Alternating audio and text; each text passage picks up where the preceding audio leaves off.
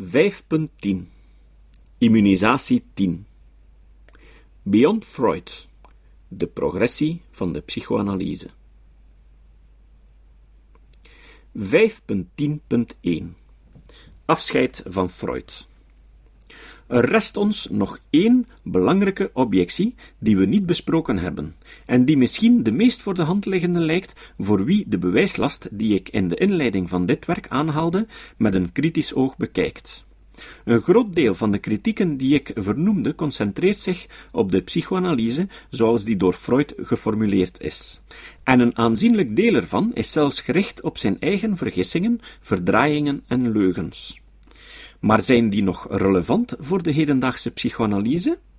Het is toch niet omdat Freud een aantal misstappen begaan heeft, dat zijn volgelingen daarvoor moeten opdraaien, of dat zijn intellectuele erfenis niet waardevol kan zijn.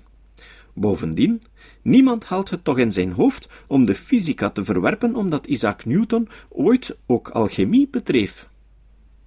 Het argument van de progressie wordt door zowel David D. Olds Harold P. Bloom en Marcia Cavill gebruikt in hun replieken op The Unknown Freud en The Revenge of the Repressed van Frederick Cruz.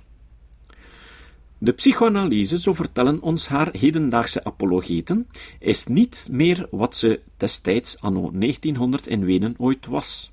Net zoals dat met elke andere discipline het geval is, hebben psychoanalytici geleerd uit hun fouten en hebben ze doorheen de jaren veel vooruitgang geboekt. De critici van de psychoanalyse, die hun pijlen stevast op de Weense zielenknijper richten, zijn zelf een stroopop aan het bevechten, want de hedendaagse psychoanalyse heeft Freud niet meer nodig. Wat waardevol was aan het werk van Freud, hebben ze uiteraard behouden. Maar voorts hebben psychoanalytici hun theorieën voortdurend verfijnd en in het licht van nieuwe gegevens aangepast. Melissa Jacobs schreef: Psychoanalysis has from its inception constantly been examining and redefining itself, and in so doing has come to grapple with many of its errors and its shortcomings. Op het eerste gezicht lijkt dit een redelijk argument. Dat in andere contexten een legitieme verdediging is voor een theorie en dat ik beslist niet omwille van de formele deficiënties als een immunisatiestrategie beschouw. Wat betreft de psychoanalyse dringen zich echter een aantal pertinente vragen op. 1. Hoe kunnen we zeker zijn dat de psychoanalytici zich geëmancipeerd hebben van Freud? 2. Waar bevindt zich die progressie precies? 3.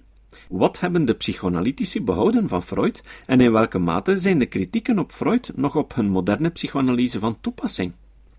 Ik zal deze vragen respectievelijk in 5.10.2, 5.10.3 en 5.10.4 behandelen.